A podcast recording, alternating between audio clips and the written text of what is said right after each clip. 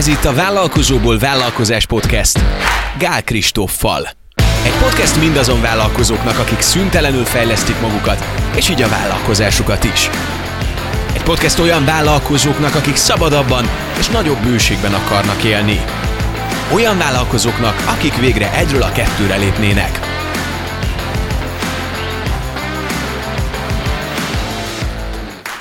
Egy vállalkozás működéséhez és fejlődéséhez a marketing teremti meg a szükséges bevételt, mégis kevés vállalkozó van igazán képben a marketing kapcsán. A marketinget könnyű rosszul, ugyanakkor nem olyan nehéz jól csinálni, ha megvan hozzá a szándék a vállalkozó részéről. A mai adásban nem kevesebbet kísérlünk meg, mint választ adni arra a kérdésre Gál Kristóf segítségével, hogyan gondolkozunk helyesen a marketingről. A műsorvezető Szántó Péter. Kezdjünk egyből a közepén, in medias res, hogy mi is az a marketing, és miről szól ma egy KKV számára?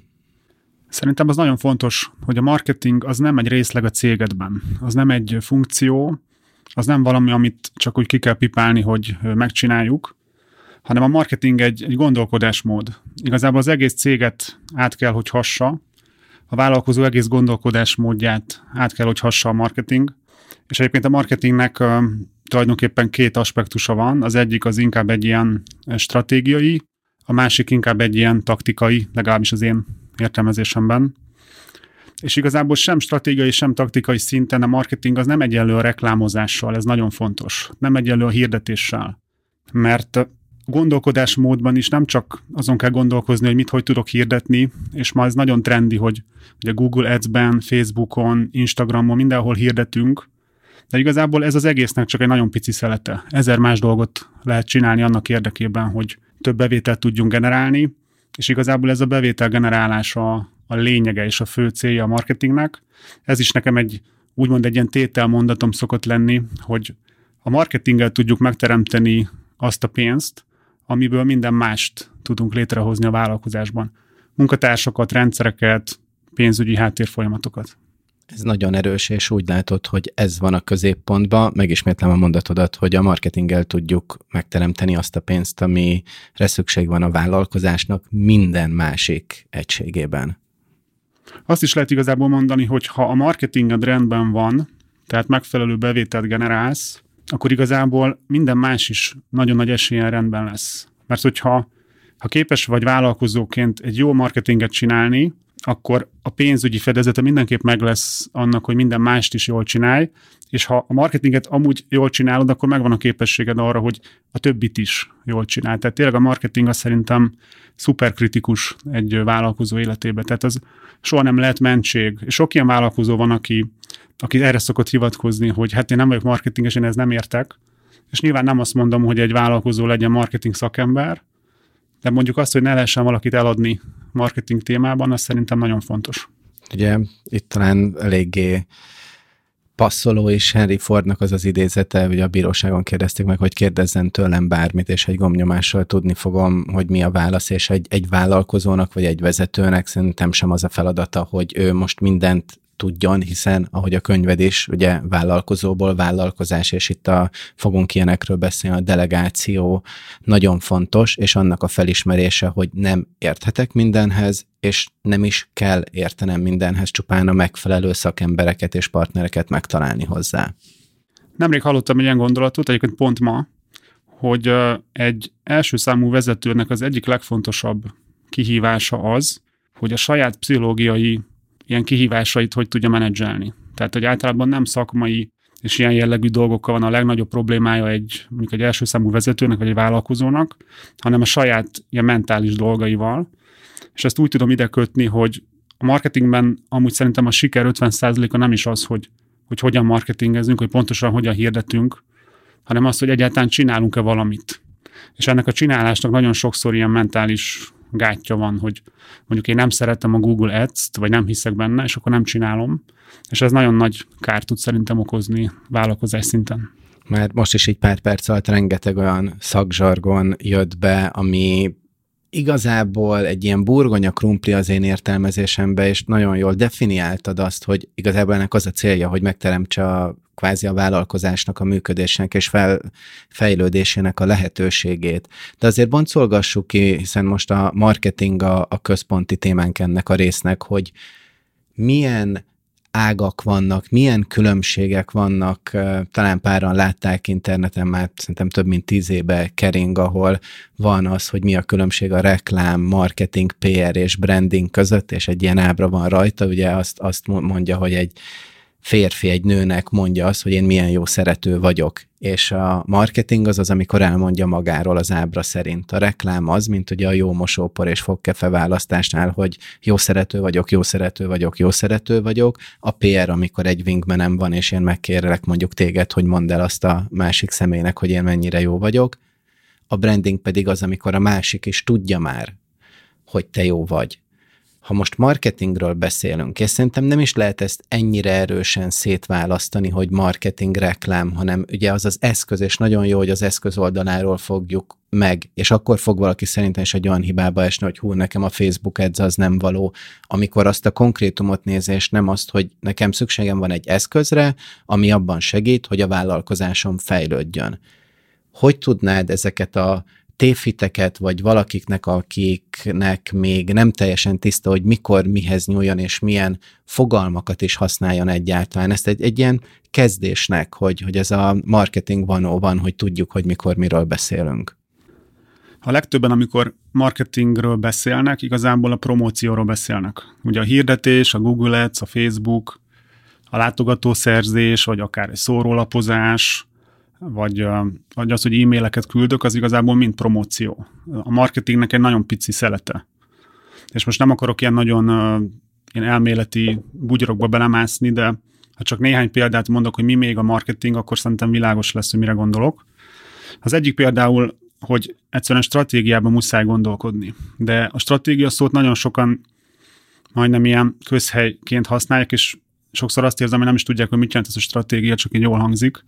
A marketingben a stratégia például nálunk azt jelenti, hogy van öt alapkérdésünk a click marketingnél, amit mindig meg kell tudnod válaszolni ahhoz, hogy jó online marketinget tud csinálni. Az első kérdés az, az, hogy kinek akarsz eladni. És itt nem kell túl gondolni, meg nem kell ilyen hókuszpókuszokban, meg buyer persona, meg ilyen, ilyen csili leírásokba gondolkozni. Egyszerűen a saját szavaiddal ír le egy papírra, és ez nagyon fontos, hogy ez érdemes, és én azt mondanám, hogy muszáj leírni, különben csak így a levegőbe beszélünk, tehát rögzíteni kell dolgokat. Tehát rögzíts, hogy kinek akarsz eladni. És itt nem arra gondolok, hogy 30 feletti nők, mert ezzel nagyjából semmire nem mész, hanem mondjuk le kell azt írni, hogy mondjuk családos asszonyok, valószínűleg 30 felettiek, akik Budapesten élnek, korábbi életükben mondjuk üzletasszonyok voltak, most éppen gyereket nevelnek, az a legnagyobb kihívásuk, hogy hogy tudják magukat mondjuk jó formába tartani fizikailag, de közben nagyon fontos az, hogy a férjük jól érezze magát, és ezért mindent megtesznek, tehát hogy nagyon részletesen ezt igazából laikusként is le tudjuk írni. Tehát nem a demográfiát, hanem sokkal inkább, hogy hogy viselkednek, mi van a fejükben, mi az, amire vágynak, és nem egy ilyen most nagyon klasszikus ódivatú értelembe vett mindenféle besorolás, hogy milyen státusz, hanem hogy mi lehet az ő fejében, hogy gondolkozik, milyen problémái vannak. Hogyan gondolkozik, hogyan viselkedik, és itt a demográfia az általában én azt látom, hogy következmény. Tehát mi például a saját marketingünkben használjuk azt, hogy 30 feletti vállalkozók, de azért, nem azért, mert egy 25 éves az, az nem lehet oké okay nekünk, hanem azért, mert amúgy azt is mondjuk, hogy olyan vállalkozók, akik legalább mondjuk 5-10 éve vállalkoznak, és mondjuk egy 20 éves az nem nagyon szokott 5-10 éve vállalkozni. Uh-huh. Tehát ezért mondjuk, hogy 30 felettiek, nem azért, mert jó ötletnek tűnt. Tehát ez egy kérdés, hogy kinek akarunk eladni. A második kérdés, hogy mitől vagyunk különlegesek. Ha nem tudom megmondani a saját cégemről, hogy ez mitől különleges, akkor nem különleges a cégem. És ez azért probléma, mert hogyha nincsenek különleges adottságaim, nincsenek különleges tulajdonságaim, vagy, vagy különös tudás, amit tudunk, akkor pontosan olyanok leszünk, mint a többi vállalkozás, és akkor nagyon nagy eséllyel belecsúszunk az árversenybe. Mielőtt átmennénk a harmadikra, arról mi nehéz megválaszolni azt, hogy mitől leszünk mi különlegesek vagy egyedileg, főleg egy olyan, hogyha olyan vállalatot építünk, ahol elég nagy a verseny. Van erre bármi tipped, javaslatod, hogy hogy tudja valaki megtalálni azt, hogy igen, nekem ez az egyediségem egyáltalán, milyen karakterjegyeket érdemes megnézni, hogy induljon el, hogy megtalálja ezt? Itt igazából akikkel mi főleg dolgozunk, és amiben én igazán otthon vagyok, azok kis vállalkozások. Ez azért érdekes, mert egy kis vállalkozásban maga a vállalkozó ugye nagyon benne van még, nagyon sok minden függ tőle, nagyon meghatározza a vállalkozás működését. És általában az szokott működni, hogy, hogy magának a vállalkozónak vannak igazából különlegességei, különleges tapasztalata, különleges képessége, különleges adottsága, amit úgy bele tud vetíteni a vállalkozásába, és valahogy így ösztönösen a vállalkozás is ezeket felveszi. Egyébként nagyon érdekes egy példa, ami szerintem nagyon idevág, hogy nemrég vettünk át egy ingatlant, ahol van két parkolóhelyünk a mély garázsban. És azon gondolkoztam, hogy, hogy milyen jó helyen van a mi két parkolóhelyünk, mert nagyon közel van a bejárathoz, meg nagy, stb. És azon gondolkoztam, hogy, hogy ezt, ha mondjuk ki szeretnénk adni, akkor hogy lehetne jól kiadni, hogy ez milyen jó érv, hogy közel van a, a bejárathoz. De ugyanakkor arra jöttem rá, hogy mivel közel van a bejárathoz, ezért majdnem az összes autó meg ember ott fog elmenni. Tehát igazából valakinek ez simán lehet hátrány, aki mondjuk úgymond el akarja dugni a, a veterán autóját, hogy nehogy véletlen valaki hozzáérjen, vagy inkább ne is lássák, annak kifejezetten hátrány az, hogy mondjuk jó helyen van a parkoló. Itt bejön az első pont, amit említettél, hogy ismerjük a célcsoportunkat, hiszen valamelyik célcsoportnak pont az a jó, hogy közel van a lift, valakinek meg ez egy hátány lesz, de hogyha az első pontot teljesítettük, akkor már a másodikban ebből az aspektusból tudjuk megközelíteni, hogy jó-e az, hogyha közel van a parkolóhely a lifthez. Igen, ez is abszolút igaz. Tehát, hogy egy, egy potenciális hátrányt, mondjuk az, hogy rossz helyen van a parkolóm, mondjuk a legtávolabbi helyen, a megfelelő célcsoportnak egy óriási előnyként tudom bemutatni, és nem kell szégyenkeznem, hogy hát ez a hely sajnos nagyon rossz helyen van, hanem ez egy előny. Amire viszont én inkább gondoltam, hogy ez szerintem arra egy jó példa, hogy, hogy semmi se jó meg rossz önmagában, hanem minden nézőpont kérdése. Tehát az, hogy jó helyen, ez van, jó helyen van a mi parkolónk, az valakinek előny, valakinek hátrány. Tehát amikor arról gondolkozunk, hogy mi mitől vagyunk különlegesek, tehát lehet az különlegesség, hogy mondjuk én alacsony növésű vagyok, amúgy lehet, hogy, hogy frusztrál az életben, mert hogy tehát hogy miért nem vagyok magasabb, de bizonyos témákban, mondjuk a Forma 1-es pilóta akarnak lenni, akkor az egy előny, hogy alacsony vagyok. Csekilonért nehezen képzelném el Forma 1-es pilótának. Igen, szóval ha nem tudod magadról megmondani, hogy mitől különleges a céged, az, az gond. De nem az a fő gond, hogyha most nem tudsz semmit mondani, hanem hogyha nem próbálsz ezen változtatni, mert lehet, hogy benned van ez a különlegesség, csak nem látod, szerintem ennek van a legnagyobb esélye, hogy te nem látod azt, hogy a te cégednek valamilyen, az valakinek egy előny. Tehát tipikusan nagyon kezdő, egyedül lévő vállalkozók szokták magukat nagyobbnak mutatni, hogy többes számba beszélnek, stb de valakinek, és pont ezt nemrég ajánlottam egy, egy ilyen egyéni vállalkozónak, hogy valakinek lehet, hogy ez tök nagy előny, hogy te még egyedül vagy, mert ő azt látja ebben, hogy te sokkal lelkesebb vagy, sokkal kitartóbb vagy, stb. Tehát ami úgymond hátránynak tűnik, az lehet, hogy előny, és nem érdemes kozmetikázni. Itt beemelnék egy olyan, szerintem ez egy tévhit, vagy egy hiba, hogyha valaki főleg, aki vállalkozó szeretne lenni, sőt, már vállalkozást ö, visz, épít, fejleszt, hogy azt mondja, hogy hm, ez a trükk, ez a módszertan, na ez biztosan működik nekem. És igen, akik azt mondják, hogy ez a fake it till you make it, ugye azt jelenti, hogy, hogy amíg nem érek oda, akkor is mutassam magam többnek, ez baromi visszás is lehet, és maga ennek a gondolat mögött egy pozitív, beteljesítő dolog van, hogy motiválhatom magamat, és úgy tárgyalhatok, az teljesen kizárva, hogy én egy pillanatig is hazudnék abból a pozícióból, amiben vagyok, tehát itt nem átverünk másokat, hanem hogy merhetünk úgy viselkedni, merhetünk arról beszélni, hogy mi mit szeretnénk elérni, és mivel mi oda tartunk, ez már csak időkérdés, hiszen beletesszük a kemény munkát, reméljük így is van, akkor lehet úgy viselkedni, és ezt fel lehet használni arra a dologra, hogy, hogy mi mond, minket mondjuk komolyabban vegyenek. De ez egyáltalán nem következik ebből az, hogy utána meg azt mondjuk, hogy nekünk már 20-30 emberes cégünk van, amikor még mi vagyunk egyszerre a titkárnőnk, mint a, a Wall Street farkasában is kapcsolták egymásnak az embereket. Ez szerintem nagyon fontos, hogy úgy alkalmazzák az emberek, és úgy használják, hogy amilyen pozícióban vagyok, látom, hogy most hol van. És azt is tudom, hogy ha beleteszem a munkát, nagyjából hova juthatok el. És bele lehet akkor utána azt ö, tenni a mi stratégiánkba, marketingünkbe, hogy arról beszélünk, ahova megyünk, de közben, pont, hogy ahogy elmondtad az egyes pont, hogy tudjuk, hogy mi a, hogy a mi célcsoportunk az, az kicsoda. Második oldalról megnéztük azt, hogy mi a mi erősségünk, és ugye szokták ezt mondani, hogy a gyengeségünket, ugye ha már marketing SWOT analízis, hogy erősség, gyengeség, lehetőség, veszélyek, hogy a, a gyengeségünkből hogyan tudunk erősséget csinálni. Nagyon jó volt a példa a parkolóval, és amikor valaki egy kezdővállalkozó, lehet, hogy pont amit ő gyengeségének érez, amellett, hogy benne van ez, hogy még mutatja magát többnek is, de hogy a gyengeségéből tud valamilyen előnyt kovácsolni. Ez vállalkozói szemszögből biztos, hogy így van, nagyon sokat hallhatunk erről, tapasztaltunk. A marketingben milyen javaslataid vannak arra, hogyha valaki mondjuk most akkor vegyük azt, hogy KKV-vel szeretne válni, ugye vállalkozóból vállalkozássá, kettő része van a kérdésnek. Hogyan merhetünk és, és tudjuk ezt pozitívan többnek mutatni magunkat, és másik oldalról meg amit gyengeségnek érzünk, amit azt hisszük, hogy el kéne takarnunk, pedig lehet, hogy nem is. Hogy tudjuk ezt erősségé formálni? Azt én semmiképp nem tudom senkinek őszintén javasolni, hogy, hogy játsza meg magát, hogy, hogy próbálja magát nagyobbnak mutatni, mint ahogy a kis vállalkozók tipikusan szokták, hogy többes számba beszélnek, mintha már lenne mögöttük egy csapat, mert nem tudhatják, hogy kinek mi az érték.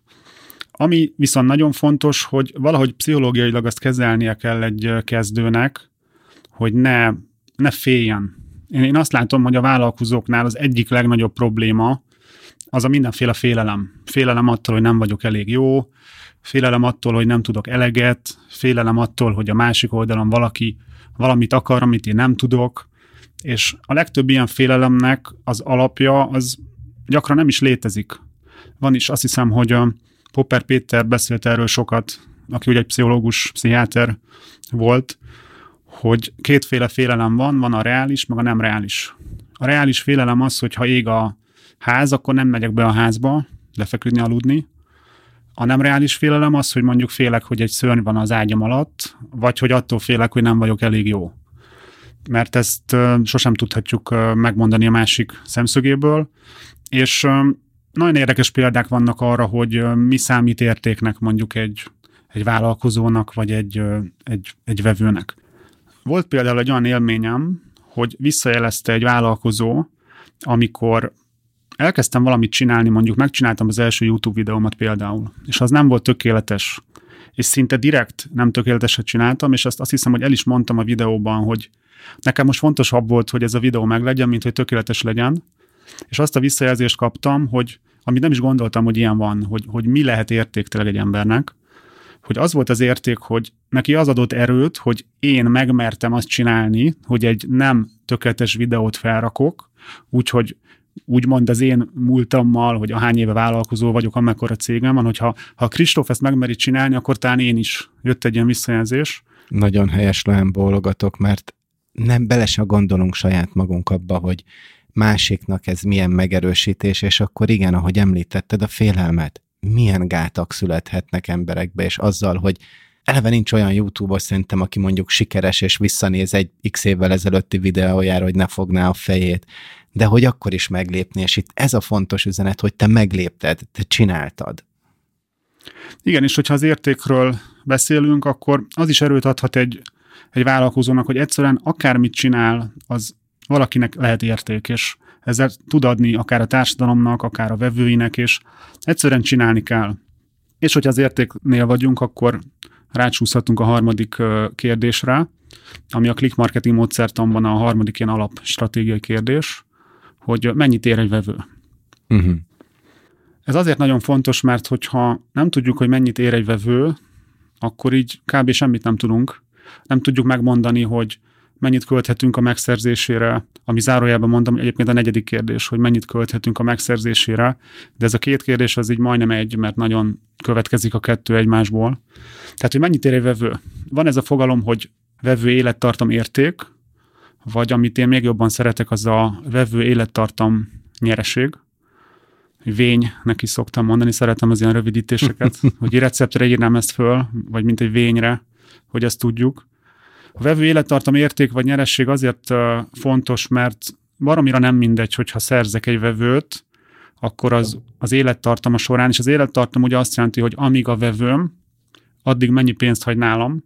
Tehát nagyon nem mindegy, hogy 1000 forint van ebben a vevőben, bevételben, vagy mondjuk 10 millió. Mert... És mennyibe kerül nekem, hogy bejöjjön az a 10 millió?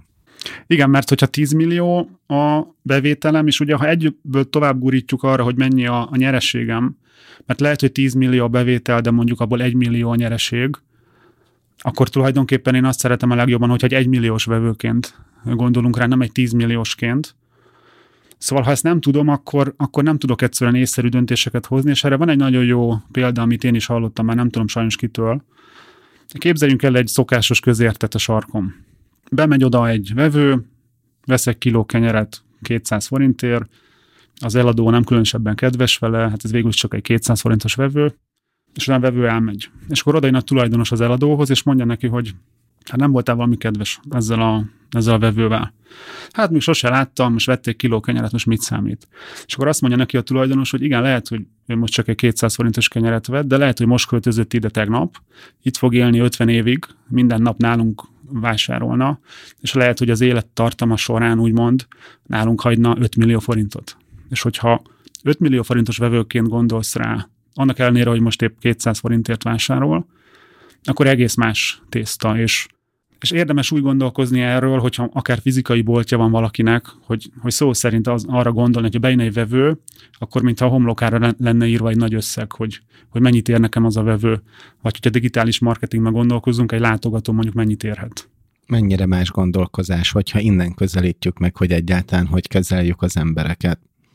Létezik, főleg digitálisan, marketingben egy papír mondjuk, ami ugye a látogató homlokán van, hogy én nem csak egy 200 forintos kenyeret fogok venni? Itt ugye átlagokról tudunk beszélni, nem tudunk főleg digitális marketingben, de egy sarki közérben sem egy-egy látogató szintjén azt mondani, hogy most bejön, és én megmondom, hogy ő mennyit ér. Azt tudjuk csinálni, hogy mondjuk elkezdünk marketingezni, és jönnek eredmények, jönnek vevők, látom, hogy ők mennyit költenek, és ezt elkezdjük így oda-vissza mérni. Tehát meg, mondjuk megmondom, hogy novemberben jött mondjuk 10 új ügyfelünk, mondjuk generált 10 millió forintot, akkor azt tudom mondani, hogy ez a 10 ügyfél, ez mondjuk 100 ajánlatkérésből lett, akkor azt mondhatom, hogy 100 ajánlatkérés hozott 10 millió forintot, akkor azt, ha jól számolok, akkor egy ajánlatkérés 100 ezer forintot ért, és akkor azt mondom, hogy ez a 100 ajánlatkérés mondjuk ezer kattintásból generálódott, akkor, hogyha ezt végig számolgatjuk, az azt jelenti, hogy egy látogató vagy egy kattintás 100 forintot ér, vagy annyiba kerülhet. És nem fogom tudni megmondani minden egyes látogatómról, hogy na most ő egy 100 ezer forintos látogató, vagy ő egy 1 forintos, vagy egy 100 forintos. Azt tudom mondani, hogy ő valószínűleg ér 100 forintot. És ezt úgy tudom visszacsatolni a marketingembe, hogy például, hogyha eszközszintre lemegyünk, akkor Google Ads-ben, hogyha maximum 100 forintért veszek kattintásokat, vagy látogatókat, akkor az úgy valószínűleg megéri. És ez így egy oda-vissza csatolás, tehát folyamatosan mérek, megnézem, elemzem, és visszaadok úgymond adatot a saját marketingembe. Ezt ugye előre nem tudom megmondani. És hogy a, a sarki közértem van, akkor is nem tudom megmondani, hogy a betérő látogató most életében egyszer jön be, soha többet nem látjuk, vagy ő pont az, aki 5 millió forintot fog költeni 50 év alatt, de szerintem az a legjobb így emberileg, meg vállalkozás szempontjából is, hogyha mindenkit úgy kezelek, mint hogyha ő most költözött volna ide, és élete végig nálam fog vásárolni. Abból nagy baj szerintem nem lehet. Nem, mintha eddig nem dolgoztattuk volna meg így fejben számolással a hallgatókat, de dobjunk be még egy számot, utoljára, de nem utolsó sorban az ötödik kérdés, amit feltesztek. Igen, ugye a negyedik volt az, hogy a, mennyit költhetek egy vevőre, ez így a hármas, négyes kérdés, ez így elég így összenő. És az ötödik pedig az, hogy, hogy mik a céljaim. És itt nem úgy értem, hogy a nagy ember akarok lenni, hanem mondjuk az egy éves online marketing célja micsoda a vállalkozásomnak. Akár olyan szintre lemenve, hogy mekkora bevételt akarok generálni, hány leadet, azaz hány ajánlatkérőt akarok szerezni, tehát mit akarok elérni online marketingben? Ez azért nagyon fontos, mert ugye ez egy tipikus, majdnem közhely talán, hogy annak a hajósnak, aki nem tudja, hogy merre halad, mely kikötőben akar kikötni, egyik szélirány sem kedvező, mert nem tudja, hogy merre akar menni. És ezért fontos, hogy legyen célunk. Én nem voltam egyébként sosem egy ilyen nagy célpárti, mindig azt mondtam, hogy hogy én mindig megyek előre, és mindig a maxot hozom, és most mindenki ilyen célokat kitűzni, de most azért már látom annak a, az értékét, hogy ha van cél, akkor sokkal könnyebb dolgozni, főleg, hogyha az ember csapatban is dolgozik, tehát nem csak a saját fejébe van minden, hanem, hanem hogy ezt a többiek is tudják.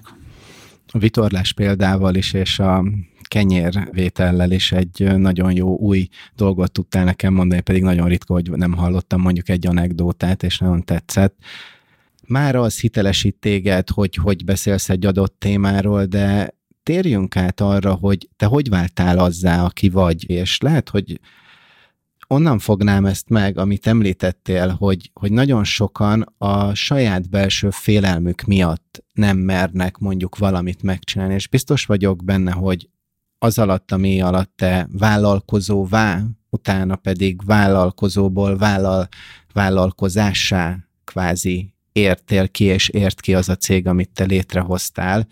Nagyon sokat kellett tanulnod, mint emberileg, túljutni félelmeken, és mellette nyilván az, hogy te el tud mondani magadról, hogy egy kiemelkedő marketinges szakember vagy, az egy, az egy hosszú út. Mi volt ez az út? Én pont az a srác voltam, aki magázódva többes számba beszélt tehát a csapatunkról megoldjuk, megcsináljuk, megtervezzük, így beszéltem, amikor tök egyedül voltam, sőt, még állásom is volt, hiszen én, én főállás mellett kezdtem el vállalkozni, és hát minden olyan tipikus baklövést szerintem elkövettem, amit ma már próbálok visszaadni, hogy ezt nem érdemes elkövetni, bár néha úgy gondolom, hogy talán ezeket jó elkövetni, mert különben nem szerzed meg azokat a tapasztalatokat, amiket ezek a néha butaságok generálnak, csak annyi, hogy rövidebb éveket lehet menni. Tehát nem muszáj valami mondjuk három évig gondolkozni, mint ahogy néha én csináltam, hanem elég fél évet, és utána tovább lehet lépni. Beszélsz egy kicsit a félelmeidről, amit le kellett küzdened, hogy egy ilyen ügynökséget felépíts? Nekem érdekes módon az, hogy vállalkozóvá váljak, az, tehát úgy emlékszem, hogy mentem előre, tehát semmi kétségem nem volt, hogy ezt csináljam. Éppenséggel a gondolkodásomat mondjuk az jellemezte mindig is, ma már kevésbé, de, de régen nagyon durván, hogy mindig a legrosszabbra készültem. Tehát egyik kedvenc ilyen példám, hogy amikor mentünk céget alapítani az ügyvédhez, egy betéti társaságot, amikor írtuk alá, tehát alá kellett írnom, hogy akkor most lesz egy cégem, az egyik legfontosabb kérdésem az volt, hogy hogy, hogy lehet megszüntetni egy BT-t. Tehát ha nem jön össze, akkor, akkor mennyibe kerül megszüntetni, mennyi idő, mit kell csinálni.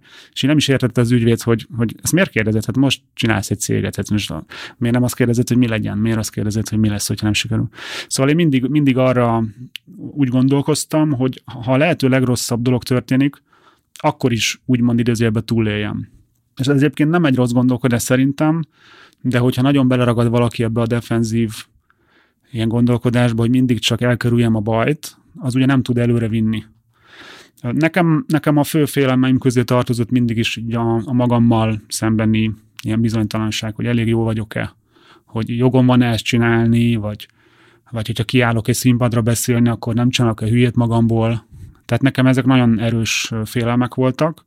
Hogy léptél túl rajtuk? Hogy küzdöttél meg velük? Itt, itt visszacsatolnék, a, a, beszéltünk a motivációról, hogy nem mutassuk magunkat többnek, én mindig ezt csináltam, hogy próbáltam magam többnek mutatni. Ez nem javaslom másnak, de lehet, hogy elkerülhetetlen.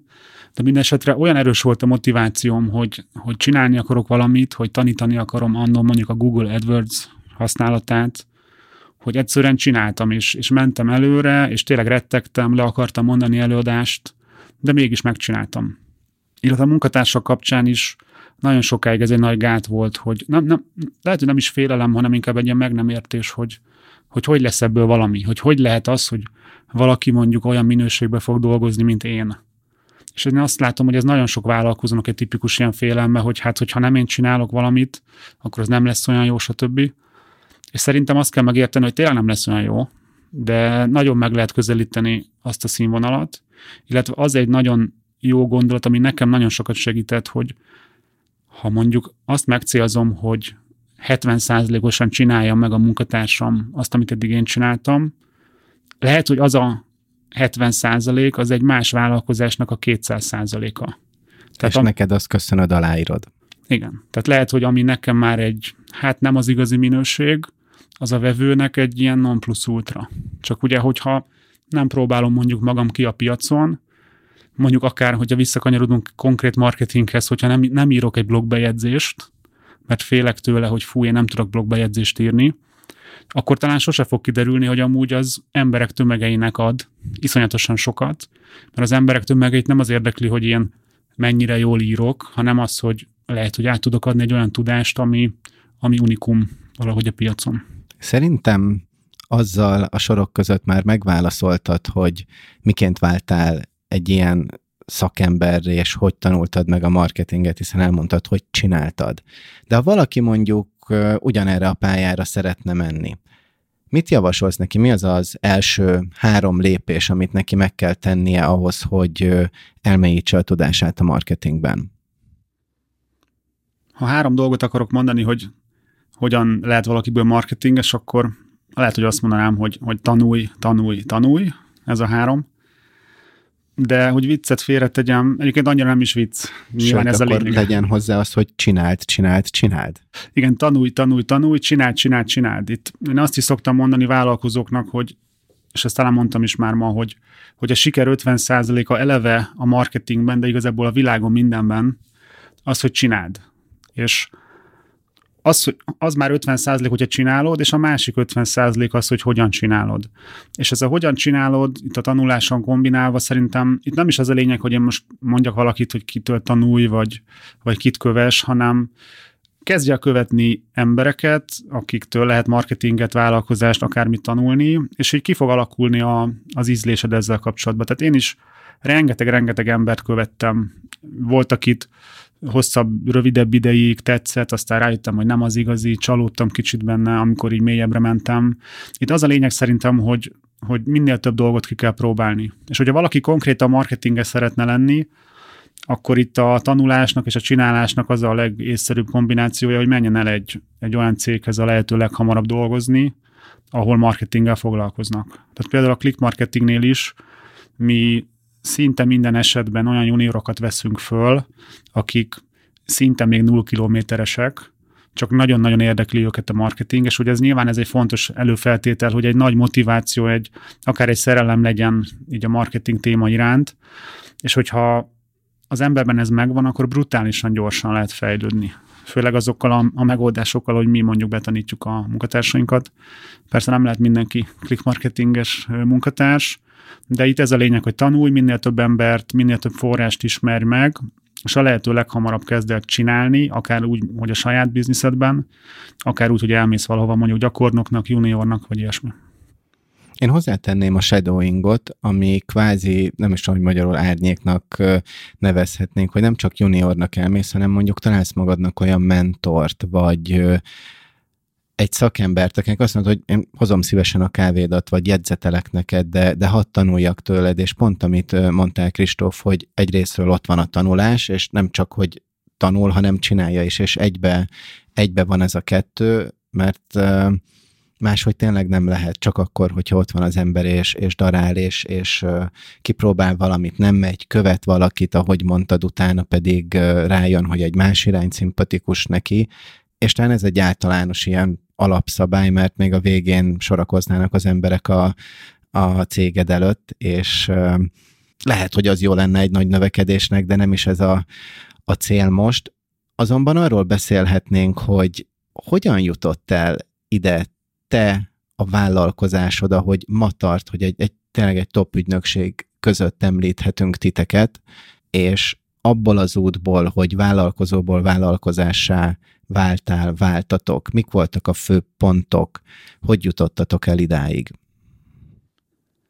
Tulajdonképpen ösztönösen csináltam annak az öt kérdésnek, vagy annak az öt pontnak a, így a megoldását, amiről beszéltünk korábban.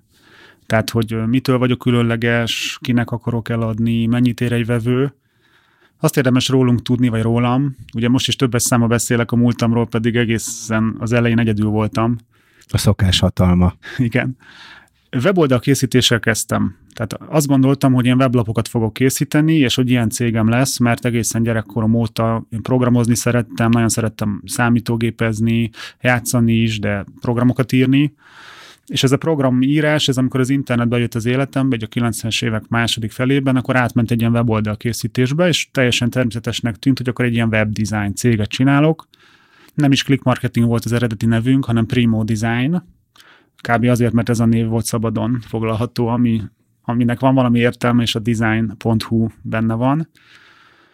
És öt évig ez, ezen a néven is mentünk, és 2010-ben, öt év után lettünk click marketing, akkor értettem meg, hogy nem vagyok elég jó a weblap készítés egyik ágában sem, tehát sem nem, nem vagyok elég jó grafikus, nem vagyok elég jó programozó, nem vagyok elég jó ilyen kódoló, tehát hogy valójában az a különlegességem, amit ugye keresünk a saját vállalkozásunkban, az, az nem volt igazán meg.